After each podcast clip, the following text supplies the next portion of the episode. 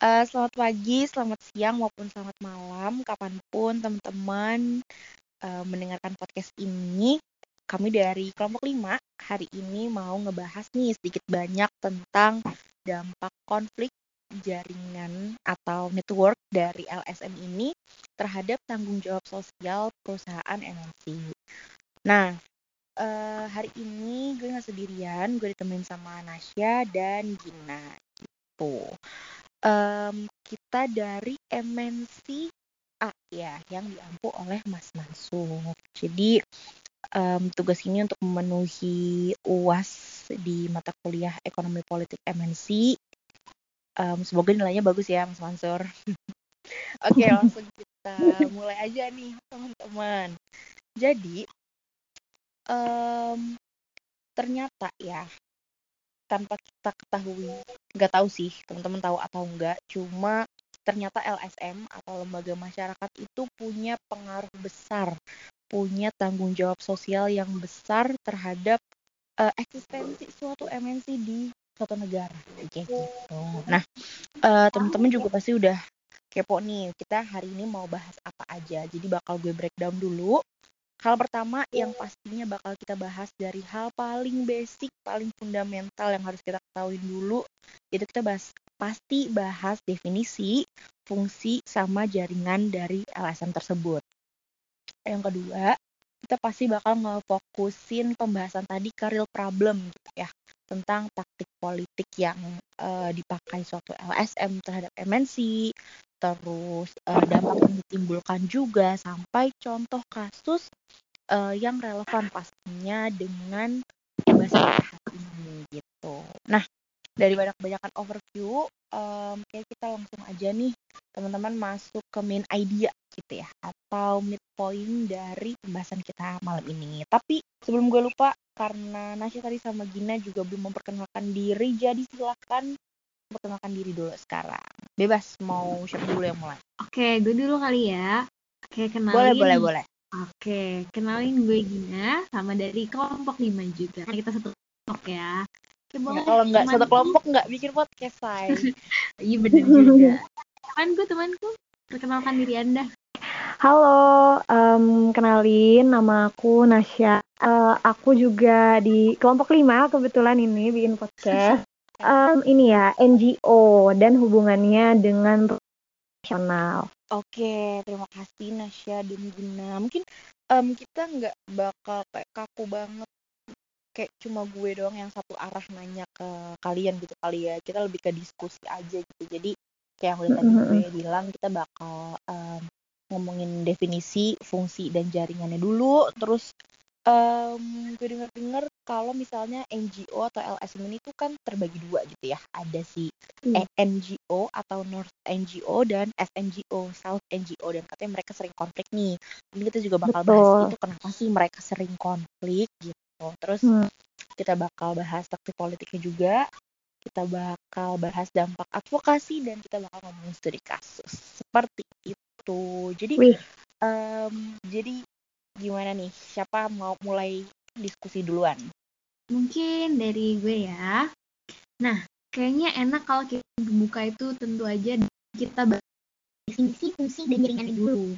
Dari awal mulanya itu dari pengertian uh nih. Jadi kalau misalkan mendengar kata non governmental organizations itu itu um, apa ya familiarnya sama LSM lembaga swadaya masyarakat jadi Betul. lembaga swadaya masyarakat benar. Jadi lembaga swadaya masyarakat itu memiliki beragam definisi karena adanya perbedaan fungsi yang dimiliki LSM itu sendiri.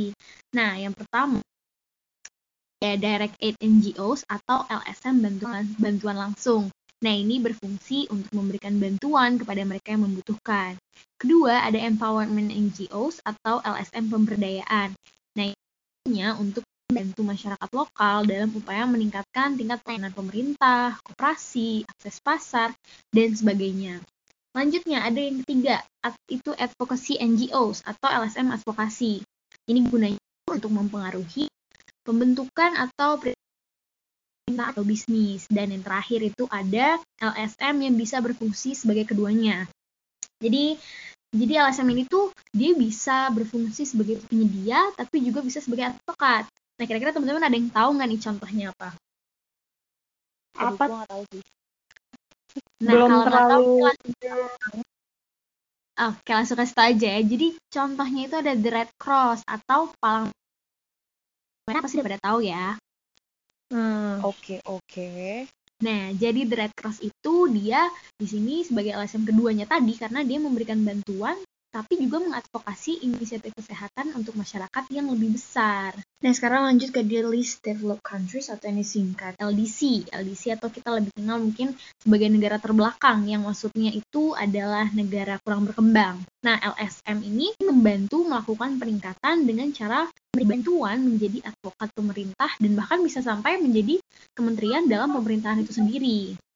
Nah, LSM sendiri itu berdirinya terpisah dari negara organisasi kuasi pemerintah seperti PBB, WTO, dan lain-lain. Operasi mereka tuh juga khususnya operasi advokasi itu cukup terpisah dari pengaruh pemerintah walaupun nih mereka sering bekerja sama dan didanainya juga sama oleh negara atau organisasi serupa. Tapi ya karena dasarnya LSM itu tidak mencari keuntungan, maka dari itu nggak ada yang namanya saham kepemilikan di LSM.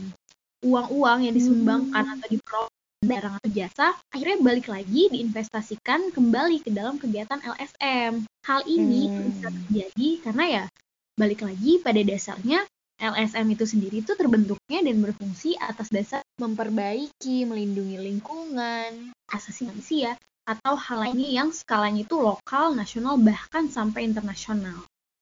Nah, kalau kita bicara mengenai jaringannya nih, jaringan jadi jaringan LSM itu cukup rumit. LSM itu terhubung satu sama lain baik melalui kesepakatan bersama atau melalui keanggotaan di LSM independen ketiga. Contohnya itu ada International Development Exchange yang mana merupakan sebuah LSM yang berbasisnya itu di San Francisco. Jadi IDE ini bermitra dengan sejumlah LSM di LDC untuk tujuannya mempromosikan keadilan ekonomi. Nah, kalau itu tadi dari bidang ekonomi, teman-teman pasti lebih familiar namanya daripada IDE tadi. Jadi, ada Greenpeace. Nah, Greenpeace ini udah bergabung sama banyak banget LSM di lingkungan lainnya sebagai anggota dari World Conservation Union gitu, teman-teman. Wow. Wow, too much information ya. Oke, sekarang gue mau nanya nih. Teman-teman di sini ada yang tahu gak sih kayak tadi kan gue udah sempat singgung ya. Kalau misalnya NGO tuh ada dua gitu. Dia ada yang North NGO, dia ada yang South NGO gitu dan biasanya yang em, berbeda kutub atau berbeda arah nih sering konflik nih gitu dan Iya. kenapa sih mereka tuh sering konflik kayak gitu? Iya, sering banget nih dengar-dengar juga dan riset-riset soal North NGO dan juga South NGO karena apa ya ternyata fun fact-nya dari NGO itu di mana dia berada, negara dia ada tuh em, menentukan juga NGO itu seperti apa. Nah, untungnya di sini kebaginya cuma jadi dua, negaranya banyak tapi jenisnya cuma dua, North NGO dan eh, eh, NGO sama Southern eh, NGO kayak gitu. Bahas perbedaannya dulu nih ya biar kita sama-sama gitu. Kira-kira apa yang bikin mereka tuh em, konflik gitu potensial untuk berkonflik. Jadi kalau misalkan yang yang selatan itu biasanya ditemuin negara-negara yang masih eh, develop. Terus eh, pendanaannya juga udah pasti lebih sedikit karena dia tadi ya adanya di banyaknya di negara-negara bahkan ma- masih sulit gitu ya untuk danaan bagi negaranya sendiri gitu. Terus gimana lagi untuk ekspor. Terus selain itu biasanya berasal dari uh, least developed country dengan isu-isu yang berkaitan dengan dampak sosial dan juga ekonomi. Itu kalau yang uh, southern juga dia karakteristiknya tuh uh, lebih jadi dia tuh em, dari dari uh, banyak enggak yang satu tapi besar gitu. Kecil-kecil banyak tapi tuh em, down to earth gitu. Uh, apa selatan terus dia juga uh, cara kerjanya tuh lebih otonomi gitu ya. Nggak banyak kompetisi lah gitu. Beda lagi sama yang utara alias yang northern itu temukan di negara-negara maju tentu saja Dan hal itu membuat NGO yang North ini tuh lebih baik karena udah mereka kan uh, udah fi financial stable lah ya istilahnya. Jadi uh, pendanaannya lebih baik. Negara dunia pertama atau yang kita tahu seperti Amerika Serikat, Eropa. Nah, yang uh, North ini dia itu tingkatnya bukan grassroots lagi tapi udah federal, udah yang federation uh, dia lebih besar, dia lebih mendominasi dan besar ke negaranya dan lebih kompetitif juga. Nah, itu perbedaan sifat dari uh, keduanya. Terus kira-kira berpotensi untuk berantem mulu nih gitu. Mereka berpotensi untuk padahal sebenarnya ya apa ya NGO tuh tujuan kan sama gitu ya. Maksudnya dia non profit dan enggak terima dia independen gitu, punya pendirian sendiri gitu. Tapi kenapa bisa gitu? Jadi um, banyak sekali persepsi di luar sana nih yang um, apa ya menunjuk kalau si N North ini dia tuh nggak percaya lah, kurang percaya sama aktor-aktor uh, karena ya itu tadi uh, kurang uh, apa ya didukung, terus ada nih negara-negara yang kurang maju gitu. Jadi terlalu beresiko mereka tuh nggak bisa membuktikan gitu apa output yang mereka hasil di NGO gitu. Jadi timbul kayak uh, apa ya rasa kurang percaya utara gitu ke yang selatan. Sementara kalau yang selatan itu mengeluhkan bahwa uh, eh, NGO yang utara ini iya sih dia dominasi, dia besar, dia terjun dalam situasi krisis yang ada di negaranya. Tapi um, karena kepentingannya dia yang besar juga, itu mengabaikan hal-hal um, yang berkaitan dan konteks lokal, misal uh, lingkungan, nggak terlalu di eh, nggak uh, terlalu dipentingkan sama NGO gitu. Yang penting uh, ya udah tujuannya dia tercapai karena dia didanai juga sudah lancar sama negara-negara majunya tersebut. Jadi ya udah permasalahan-permasalahan lokal yang kiranya tuh apa ya sebenarnya bisa ngelit kayak gitu. Um, kita saling uh, ber istilahnya apa ya berkonflik. Oke okay, gimana sebenarnya permasalahannya cuma um, beda persepsi aja ya gitu. Kalau misalnya yang negara-negara udah kaya ini kita bilang e, mereka nganggapnya ya udahlah hal receh mah nggak usah dipikirin gitu. Cuma kalau negara-negara yang masih LDC atau kayak masih berkembang mereka tuh justru permasalahan yang besar itu berawal dari yang kecil gitu. Jadi mereka pengen iya benar. musatkan concernnya di situ dulu baru deh leading to something bigger gitu. Sedangkan South si South ini eh si South yang negara NGO lebih kaya itu South atau North ya? North. Oh iya North. Si North ini lebih ya udahlah gitu. Kalau hal-hal kecil mah nggak usah dipikirin gitu. Jadi berantem tuh ya di situ sering konflik. Oke, okay. kan kita lanjut aja kali ya. Tadi kan udah ngomongin kalau misalnya NGO tuh punya dua kutub, ada yang North, ada yang South. Kita juga udah tahu nih yep. masalahnya apa um, intinya adalah masalahnya beda persepsi aja gitu ya teman-teman. Terus uh, pasti ada gitu ya taktik-taktik politik dan dampak um, biasanya yang gue tahu tuh namanya dampaknya dampak asimetris gitu. Uh, dari si uh, NGO NGO ini dalam advokasi MNC di satu negara gitu. Nah boleh nih siapa yang mau ngomongin taktik politik gitu. Waduh berat banget taktik politik. Berat nih. Boleh kali problemnya nih. Tapi ya kita singkat padat aja. Jadi mm-hmm. uh, ini di sini uh, gue mau jelasinnya ngutip nih pendapat dari ahli dari Keck dan Seeking. Namanya cukup unik nih. Jadi uh, uh, mereka berpendapat uh, bahwa ada empat taktik politik yang digunakan NGO untuk mendorong agenda mereka. Nah, yang pertama itu ada politik informasi, kemudian politik simbolik, ketiga politik leverage, dan yang terakhir itu ada politik akuntabilitas. Penjelasan hmm. singkatnya, jadi dalam politik informasi, NGO ini perannya itu sebagai sumber informasi ilmiah yang tidak memihak. Kalau dalam politik simbolik, NGO mengubah individu atau peristiwa untuk menjadi simbol cita-cita NGO itu sendiri. Selanjutnya yang ketiga, leverage politik. Nah, jadi taktik ini menggunakan pemerintah untuk bertindak menekan MNC dengan tujuan mengadopsi kebijakan tertentu. Nah, yang terakhir, politik akuntabilitas. Jadi dengan taktik ini, eh, taktik ini tuh digunakan untuk membuat MNC menjadi bertanggung jawab atas janji-janji yang dibuat. Berdasarkan aksi-aksi politik tadi, akhirnya NGO sendiri bisa nih memegang kekuasaan atas MNC. Itu tadi kalau taktik politiknya. Tapi ada lagi kan um, dampaknya tadi udah di dampak asimetris sama hmm. tadi kita juga ada dampak asimetris ya. Jadi dampaknya ditimbulkan. Mungkin kayaknya uh, kalau untuk dampak ngejelasin lebih rinci lagi daripada aku ya. Boleh silahkan. Oke, ini sebagai host saya juga mau berpendapat ya. Boleh. Ini boleh bang.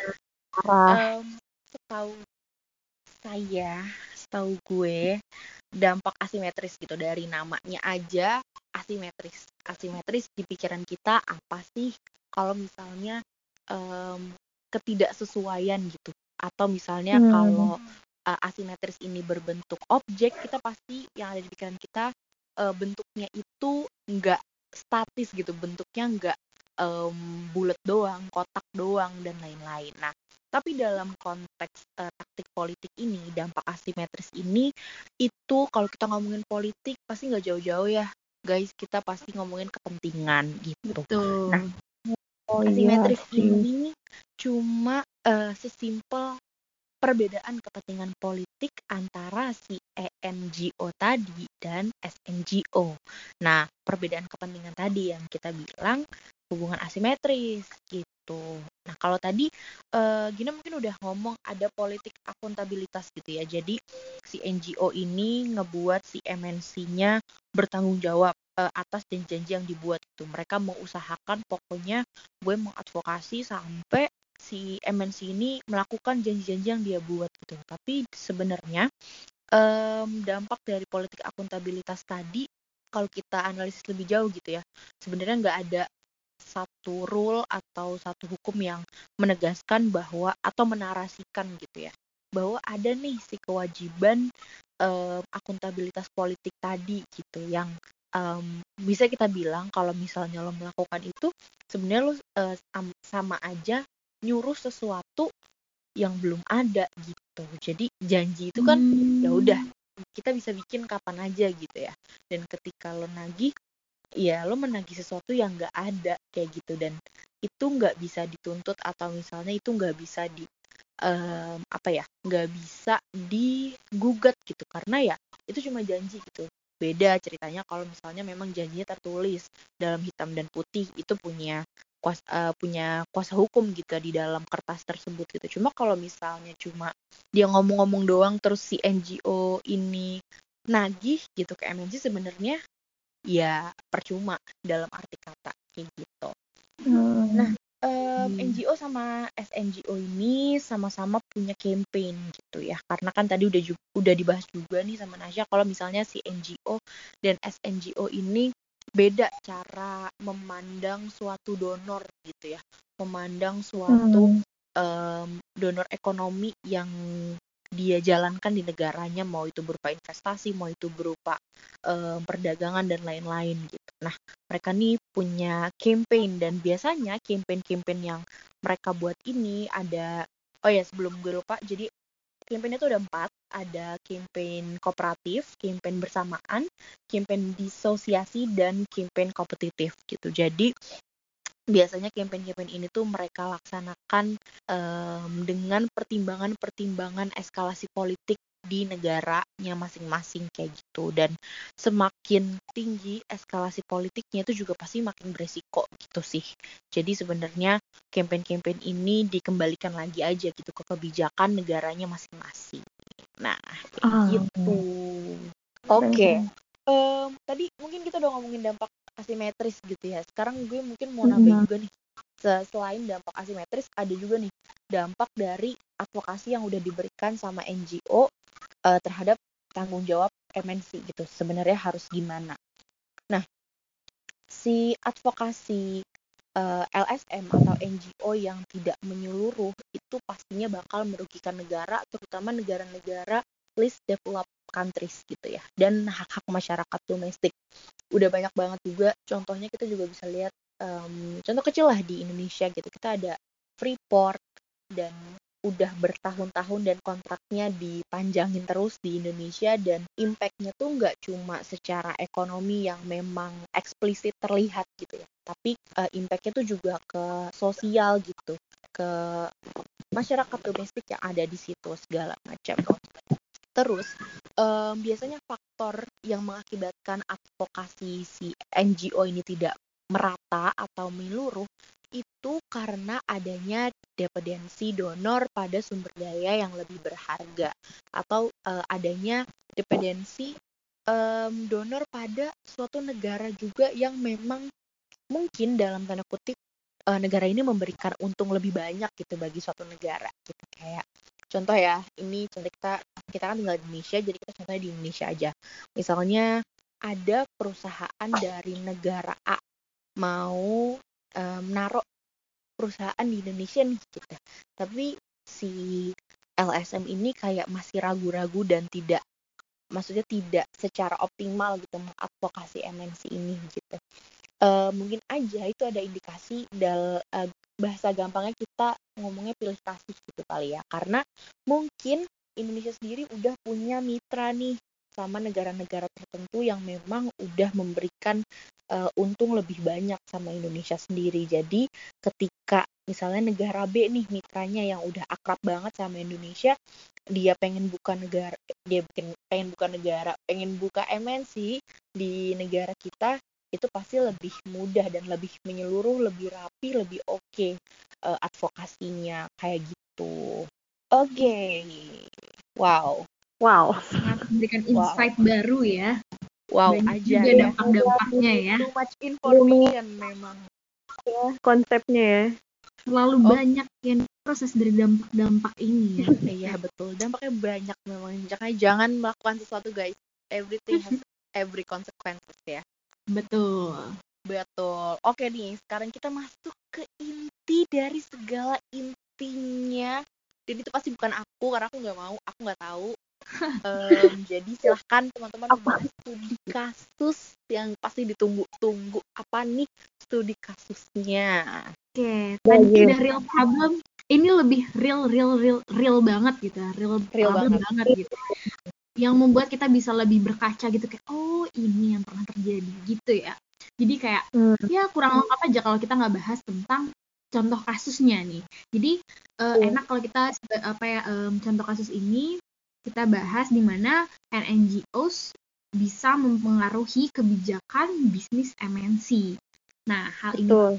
ini jadi salah satu MNC yaitu Nestle. Kalian pasti tahu Nestle ya? Tahu, tahu, tahu. Nah, tahu Nestle pasti nggak mungkin nggak sih ya. Jadi Nestle ini ya pernah mendapat kecaman dari masyarakat, dari organisasi-organisasi peduli kesehatan, dan dari komunitas karena produk susu bayinya diindikasi uh, telah terkontaminasi dan menyebabkan malnutrisi bagi bayi yang mengambil, akhirnya mengakibatkan kematian pada bayi. Jadi Nestle oh, ini melakukan iya. pemasaran, iya jadi pemasaran dengan cara memberi free ibu yang baru aja melahirkan di rumah sakit.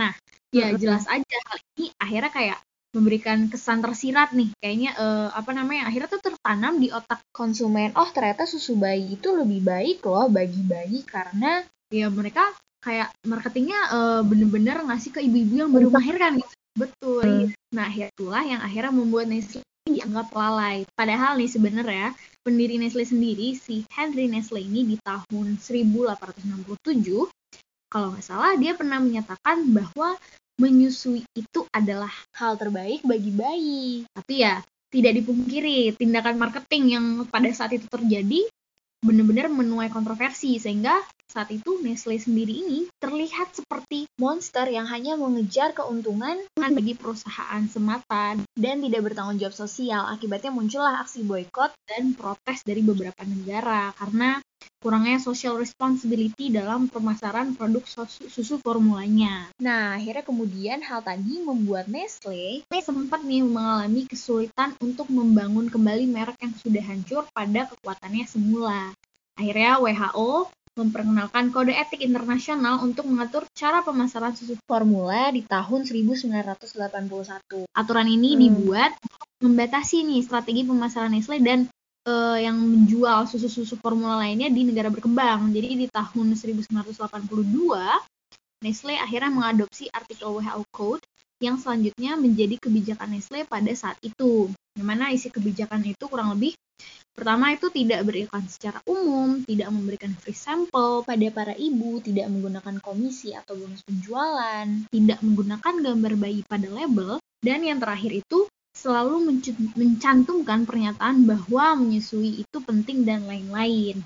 Tapi muncul lagi nih ada tren pemasaran susu formula di media sosial yang menarik lagi perhatian WHO dan kemudian akhirnya menyoroti tren baru itu tadi. Nah, mereka mereka tuh khawatir pemasaran susu formula lewat media sosial akan mendorong para ibu untuk mengabaikan anjuran agar memberikan air susu ibu atau ASI eksklusif bagi bayi selama enam bulan Hmm. pertama hingga tahun. Hmm. Nah, asal muasal tren ini tadi tuh dari program yang digelar Nestle lagi. Jadi Nestle ini Ah, mengajak oke. liburan selama tiga problematik ya di ini. Iya, memang eh, nggak kapok gitu ya. Jadi eh, Nestle ini ngadain program yang yang mengajak ibu-ibu liburan selama tiga hari ke Jakarta untuk mengunjungi pabrik serta mengikuti kelas-kelas parenting dan gizi. Ada juga kelas tambahan seperti make up, manajemen finansial, dan media sosial. Jadi partisipan ibu-ibu tadi itu didorong untuk menyebarkan informasi yang mereka pelajari yang ya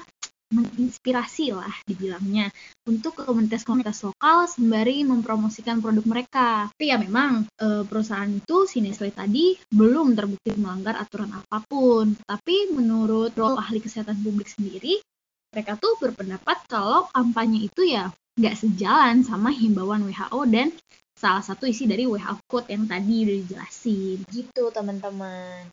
Waduh, baru Wow. tahu banget sih cerita itu jujur banget. Pasti ini kurang diangkat sama berita sih. Ya soalnya memang mungkin kita produknya Jalan ya. produknya laku banget sih. Mau gimana ya? Iya, makanya juga konsumsi susah. Konsumsi susah juga kalau ini beritanya diangkat sih sebenarnya nggak bakal ngaruh juga deh kayaknya Iya. sama produk-produk yang Iya. lain. Kalau sih tutup mata aja sih. Iya kayak ya Iya. udahlah begitu. Cause everything is about business. Ya, Betul. Betul. We love money. oke. Apa Nasya gimana? we love money. Yes, we love money. Betul. Iya. Who Who doesn't, doesn't ya? love money ya. Betul. Oke. Wah, ternyata ini eksistensi MNC di suatu negara tuh nggak segampang yang gue kira ya. Gue kiranya kayak cuma Hmm. ya udah eh telepon, halo mau naro perusahaan nih di negara kamu, urus. iya, satu-satu. Kayak kalau udah. segampang itu udah banyak ya kita buka ya. Iya, iya, gitu. Jadi nggak asal aja gitu ya bikin perusahaan di satu negara, tapi prosesnya tuh banyak banget, apalagi proses advokasi dan politik politik NGO ini ternyata kompleks gitu. Bahkan em, harus melewati konsultasi dari berbagai LSM, nggak cuma dari yang North aja, tapi yang South juga gitu yang tadi udah disebutin. Gitu. Nah, eh, last question nih, gitu ya. Alhamdulillah kali kita sampai ke puncak obrolan gitu. Eh, menurut Nasya atau Mhm. Gina, nggak atau sih dua-duanya gitu. Kira-kira nih kita sebagai negara berkembang, apa sih yang perlu kita lakuin gitu biar kita hmm, dalam tanda kutip nggak kebobolan atau malah dirugikan nih dengan adanya MNC yang ada di negara kita. Boleh nih kasih kok closing susah sekali mau ngomongin closing statement atau kesimpulan mungkin langsung aja. Silahkan. Oke oke. Udah ya kita ngomongin tadi soal NGO, MN. Sebenarnya kan kalau misalkan eh, kita breakdown satu-satu tuh MN ngasih peranan penting juga kan buat negara tempat dia asih gitu dari segi ekspor dan impor, transaksi internasional, sampai modal asing. Pada akhirnya sebenarnya perusahaan-perusahaan MNC ini mampu dan potensial banget untuk eh, membangun kondisi ekonomi negara eh, di mana dia berada gitu kan ya istilahnya keuntungan begitu juga dengan NGO yang em, independen gak berpengaruh sama pemerintah atau instansi lain dia ngasih em, banyak banget uh, bantuan-bantuan uh, wawasan tentang tujuan kemanusiaan yang nggak terikat sama kolonial. Jadi um, si NGO ini pada akhirnya bisa uh, peranan penting buat pengembangan masyarakat, ningkatin kualitas komunitas dan warga negara um, dengan uh, melakukan kegiatan sebagainya gitu. Jadi dua-duanya itu sebenarnya harusnya menguntungkan. Tuh. Hmm. Tapi somehow ternyata faktanya tidak Ferguso. Jadi fakta-faktanya ternyata banyak yang merugi. Nah, mungkin yang bisa dilakuin ini um, mungkin dari yang instansi resmi dulu kali ya, mungkin pemerintah nih, pemerintah bisa banget ngasih um, semacam aturan nih tentang masuknya MNC itu uh, pengaturan tentang uh, kemungkinan efek suatu perusahaan multinasional tersebut akan datang. Kira-kira gimana nih dampak politik dan ekonominya buat negara? Jika penilaiannya menunjukkan kemungkinan yang buruk atau kerugian lebih besar keuntungannya nah itu bisa banget langsung di cut off lah istilahnya ya kalau anak-anak sekarang. Nah terus juga bisa nih um, untuk tersebut uh, dilakukan dulu penentuan sektor-sektor yang udah tertutup untuk investasi asing gitu. Jadi buat uh, wira swasta lokal untuk ikut ngelakuin kegiatan dan juga putusan gitu. Jadi yang maju tuh nggak di daerah itu itu aja gitu. Orang-orang yang di situ-situ aja gitu. Karena banyak apa ya UMKM apa ya dirugikan lah gitu dengan adanya MNC ini. Negara penerima juga dapat mengatur kegiatan MNC cara membatasi bahan yang diimpor, penentuan harga produk, pengaturan tentang pemilikan serta pengaturan tentang efeknya terhadap lingkungan. Penerima nih uh, bisa banget ngelakuin pengaturan tentang keuntungan yang boleh dikali ke negara induk atau negara si um, MNC ini berasal gitu. Kita punya uh, apa ya ke untuk melakukan regulasi tersebut. Terus negara penerima juga bisa bukan nasionalisasi perusahaan uh, eh, MNC. Biasanya tindakan terakhir yang dilakukan suatu negara dan harus mempertimbangkan secara hati-hati karena hal ini dapat melenyapkan minat investor gitu. Jadi ya nggak apa-apa, tetap nanemin nilai-nilai uh, nasional lah terhadap MNC ini di samping tinggannya untuk meraup keuntungan gitu. Itu kan yang bisa di resminya gitu ya sama pihak-pihak resmi gitu, pemerintah. Nah, kalau kita sebagai ini Gen Z gitu ya, kita tuh bisa ngapain buat uh, ngasih istilahnya nge-prevent lah hal-hal dari MNC yang datang gitu. Karena kita nggak bisa pungkiri juga MNC ini ngasih profit negara gitu kan. Uh, karena negara kita jatuhnya masih berkembang juga. Bisa banget kita sebagai masyarakat Indonesia itu pendekatan sosial dan juga etika, uh, di mana pendekatan ini untuk menjamin pertanggungjawaban publik dari MNC itu sendiri berbagai macam tekanan sosial dan juga etik masyarakat. Kan sekarang kita udah deket banget nih. Everyone use TikTok, Instagram, bla bla bla, poken banget gitu loh sama um, permasalahan-permasalahan uh, di Indonesia gitu. Kita bisa menggunakan platform-platform modern uh, menyuarakan uh, pertanggungjawaban publik tadi terhadap mereka. Kita um, tetap ketekanan sosial gitu. Kita kasih norma-norma etik rakyat uh, butuhnya tuh apa gitu dan hmm. merasa dirugikan bisa banget um, untuk ngasih tekanan MNC gitu supaya mereka melakukan suatu ya istilahnya pergerakan nyata untuk nge-prevent hal-hal buruk yang bakal berdampak terus juga um, oh banyak ya? Apa? Dua eh, ini terakhir sih. Terakhir sih ya. Kita oke oke oke. um, pendekatan melalui transformasi konflik. Jadi kayak um, sebenarnya dinamika konflik ini bisa apa ya kita ah, sebagai masyarakat Indonesia um, buat cari solusi sama-sama duduk bersama di perundingan di negosiasi guna mencari titik temu dan menjebatani perbedaan persepsi di antara dan MNC karena ya kalau dua-duanya tujuannya yang sama-sama mau tapi nggak sejalan kan susah juga gitu. Jadi kita better um, istilahnya manajemen konflik ini untuk tujuan yang lebih baik. Itu ceramah dari Ustadz hari ini Oke. Jadi sebenarnya intinya apa? Nah itulah, itulah. dipikirkan sendiri. Itu dia itu menjadi apa ya, tantangan bagi bagi pendengar ya untuk iya, memikirkan iya, intinya bagi pendengar betul sekali ya. Hmm, Gina mau menambahkan? Wah, kalau makin wah terlalu banyak kayaknya. Udah cukup Iya, banget kebetulan itu tadi dari azan ya. subuh ya. Kenapa? Oke. Udah azan subuh lumayan. Oh, iya Oh, betul ya. Udah azan subuh. Betul. Jadi, oke, kalau Gina nggak ada yang mau ditambahin, makasih Nasya atas kuliah 7 menitnya berharga banget sih. Kayak aku pasti habis ini langsung berubah jadi lebih baik Iya. gitu. Dan kalau dari aku sendiri mungkin ngelihatnya hubungan MNC sama LSM ini kayak paradoks ya. Kayak mereka tuh butuh nggak butuh gitu sih. Mereka butuh nih Hmm. eh, donor, tapi mereka em, tahu nih dampaknya banyak gitu, nggak cuma dampak yang besar aja, tapi dampak yang kecil-kecil ya. Dampak besar itu berawal dari dampak-dampak yang kecil dong ya pasti gitu. Cuma eh, mereka kayak mau nggak mau gitu.